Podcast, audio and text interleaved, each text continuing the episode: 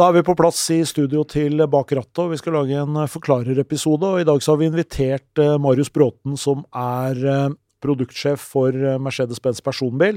Og akkurat nå, Marius, så er det lansering av en meget viktig og, og en, en, bil som dere har venta litt på og gleda dere til, tror jeg. For det er EQE SUV. Hvor nærme er den bilen kundene akkurat nå?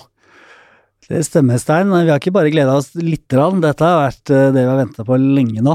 Eh, man har jo mange hyggelige arbeidsdager, men eh, på fredag nå så var jeg faktisk i Drammen bilhavn. Jeg fikk lov til å gå om bord i transportbåten.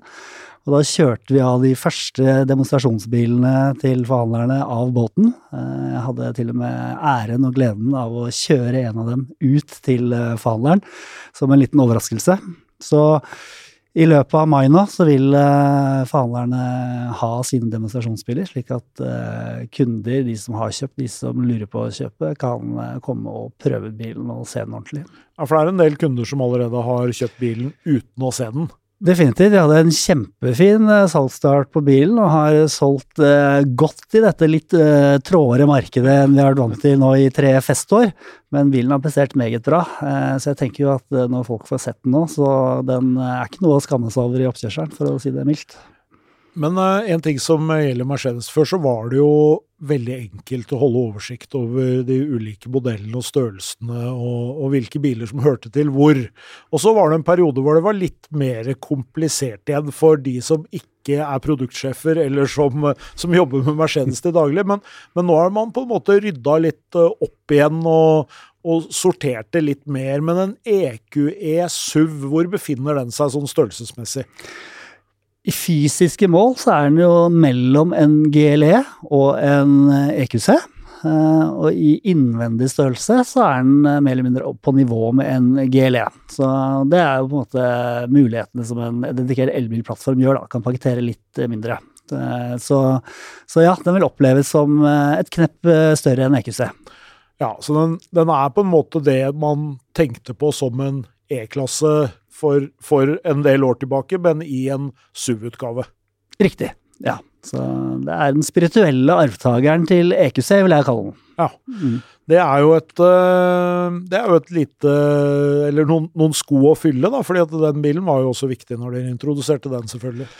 Ja, Det er virkelig å hoppe etter Virkola, Wirkola. Så hvis den presterer like bra som EQC har gjort, så er vi eh, veldig godt fornøyd. Så kan du ikke fortelle litt om uh, denne bilen, da? Uh, jeg vet jo at uh, de som lytter på podkasten, mange av de følger jo ganske godt med på, på, bil, og de har sikkert sett bilder av den, men kan du ikke beskrive litt mer hva slags type bil, og hva, hva, Mercedes på en måte har tenkt når de, når de utvikla den bilen her? Nei, de har fortsatt den linja de har med de EQ-SUV-ene. Så den er litt sånn sloping eh, taklinje som, eh, på grunn av aerodynamikken. Så den er ikke like høyreiste som eh, f.eks. GLE og GLS eh, fossilbilene. Som er samme størrelse bil. Opplever den EQS-SUV-en som eh, både forfra og bakfra, så har den liksom bra pondus. Du ser den godt i bakspeilet. Så den oppleves som en litt sånn mer macho-bil eh, å se på. Eh, og så syns jeg linjene på den er utrolig flotte.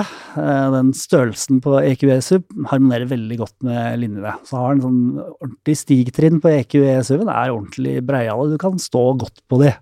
Så, så den oppleves som en SUV? Oppleves definitivt som en SUV. Du kan jo også ha luftgjæring på den, så du kan heve den og har jo alle SUV-kvalitetene der. Så det er definitivt en SUV. Det er ikke en stasjonsvogn som er heva litt. Dette er en SUV. Når man lanserer en ny bil, så er det gjerne litt uh, nytt utstyr og litt uh, nye muligheter. Hva er det EQS SUV har med seg inn i, i denne miksen nå? Det er kanskje den store forskjellen da, når man går fra EQC til EQE, eh, og da tar jeg med deg alt utstyret. Eh, tidligere så måtte du liksom opp i klassene for å få tilgang til liksom, eh, godteriskuffen til Mercedes, men i EQ7-en så er det ingenting. Du kan få burmester 3D. Eh, ting som jeg elsker, så er jo bakakselstyringen. Det er jo helt fascinerende triks de gjør med bilene med den tigradersvinkelen krever litt tilvenning, faktisk, eh, ved rygging, eh, hvor enormt agil bilen er. Men eh, det anbefaler jeg alle å prøve. Ja, For hva er fordelen med å ha en bakaksel som også styrer? Den gir nesten to meter mindre eh, snudiameter da, på bilen. Det er jo veldig lang aksleavstand på bilen i utgangspunktet, over tre meter. Det er nesten 30 eh, cm lengre enn EQC-en, selv om utvendig mål ikke er så lange. Det gir jo veldig god stabilitet ved kjøring, eh, og så har den mye mindre vendekrets.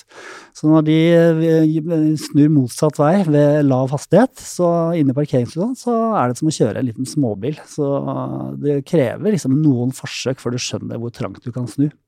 Men da snur de den ene veien, mens når du kjører mer aktivt, da brukes de på en annen måte antagelig. Ja, i høye hastigheter så følger de litt med. Og da simulerer man en lengre aksjeavstand som skal gi enda mer stabilitet i høy hastighet, særlig høyhastighetssvinger, som vi har mye av på autobanen i Norge. Ja, Så da er man jo litt over i den, den delen der. Nå, nå, sier jo Mercedes at de skal være luxury. De har jo vært premium egentlig omtrent fra, fra dag én, eh, og har jo på en måte satt standarden for, eh, for hva som eh, man fant i en premiumbil. Uh, og, og, og, det var vel egentlig de andre som på en måte fulgte litt etter og prøvde å, uh, å, å oppnå litt av det samme nivået når, når denne virkelig tyske premiumkonkurransen uh, starta.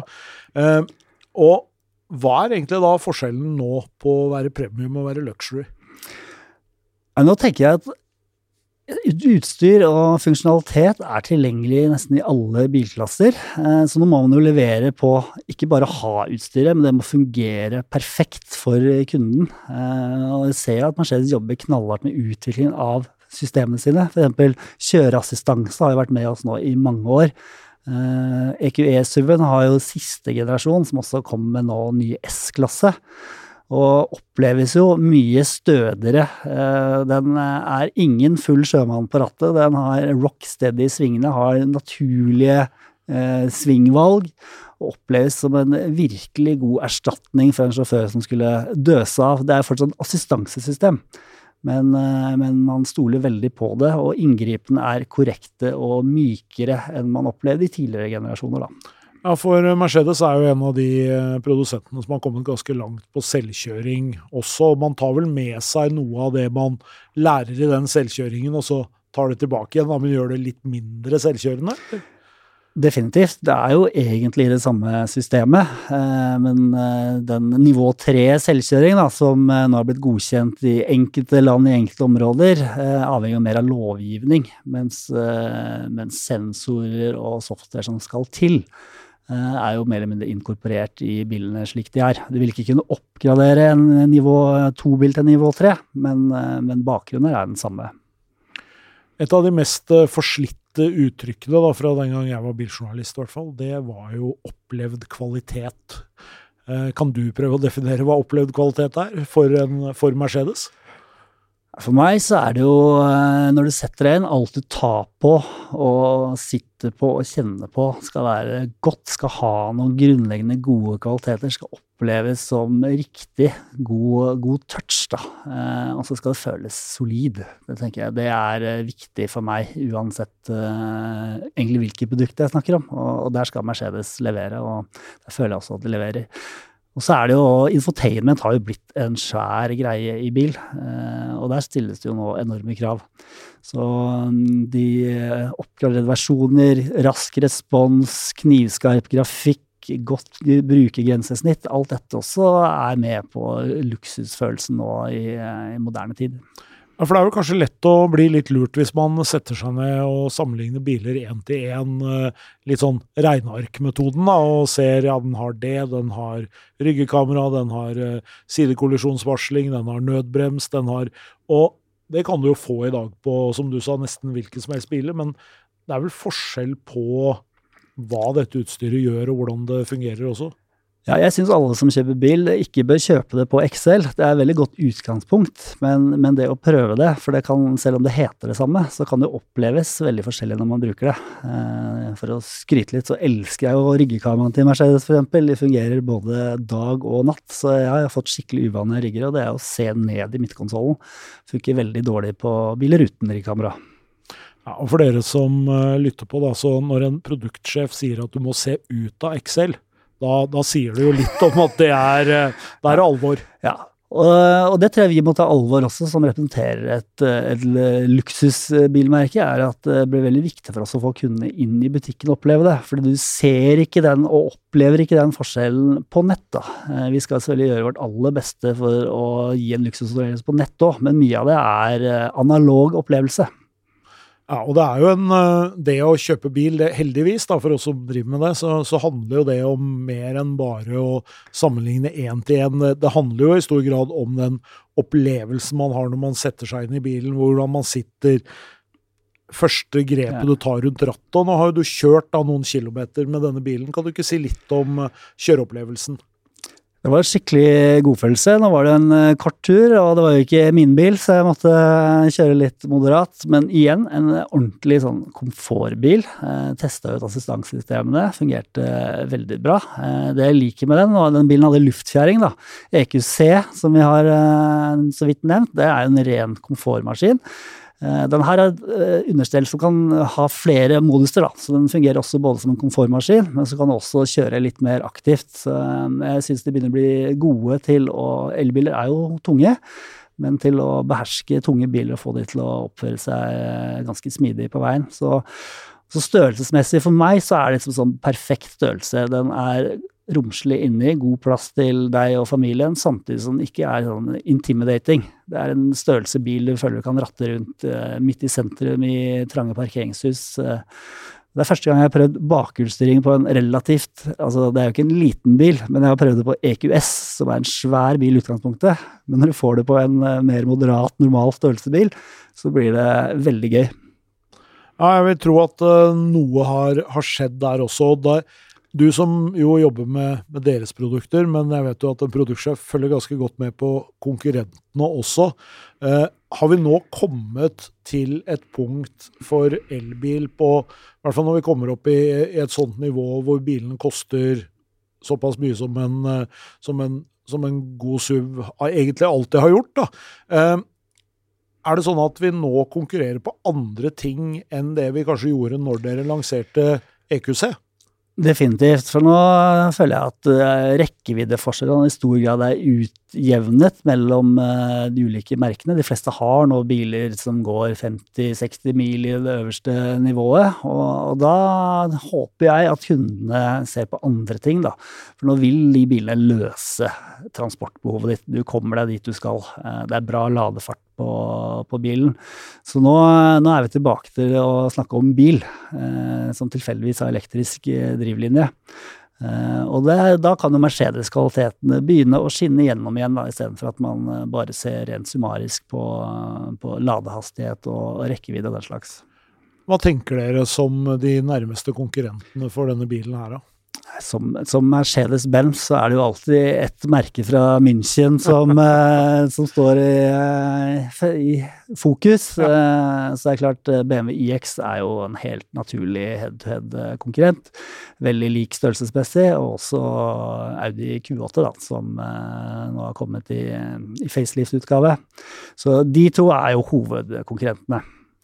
Men nå er altså bilene på vei ut til forhandlere, så når kan eh, de som eventuelt er interessert i en sånn bil, eh, regne med at det er på plass? Første forhandlerne vil få bilene sine nå i løpet av mai.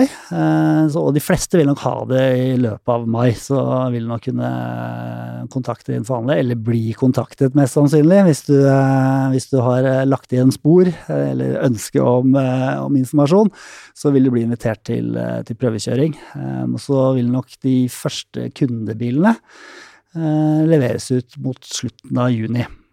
Så, og hvis du skal lage din egen bil, kjøpe din egen nye bil nå, så har du ikke så lenge igjen, da. For hvis du ønsker å få bil levert i år, så begynner vi en måte å selge på såpass sen produksjon. Da. Bilene lages jo i USA, så det tar litt lengre tid å få dem til Norge.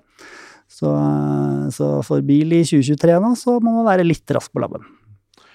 Høres uh, spennende ut. Uh, lykke til med lanseringen. Også Marius, tusen takk for at du kom. Uh, jeg veit at Mercedes lanserer nesten en bil i uka, føles det som, for oss som følger med fra utsida. Så du er nødt til å komme igjen uh, seinere også. Ja, takk for det. Det er ikke alltid vi har så store nyheter å snakke om, men vi kommer nok med noen godsaker til deg senere i år òg. Herlig. Takk skal du ha.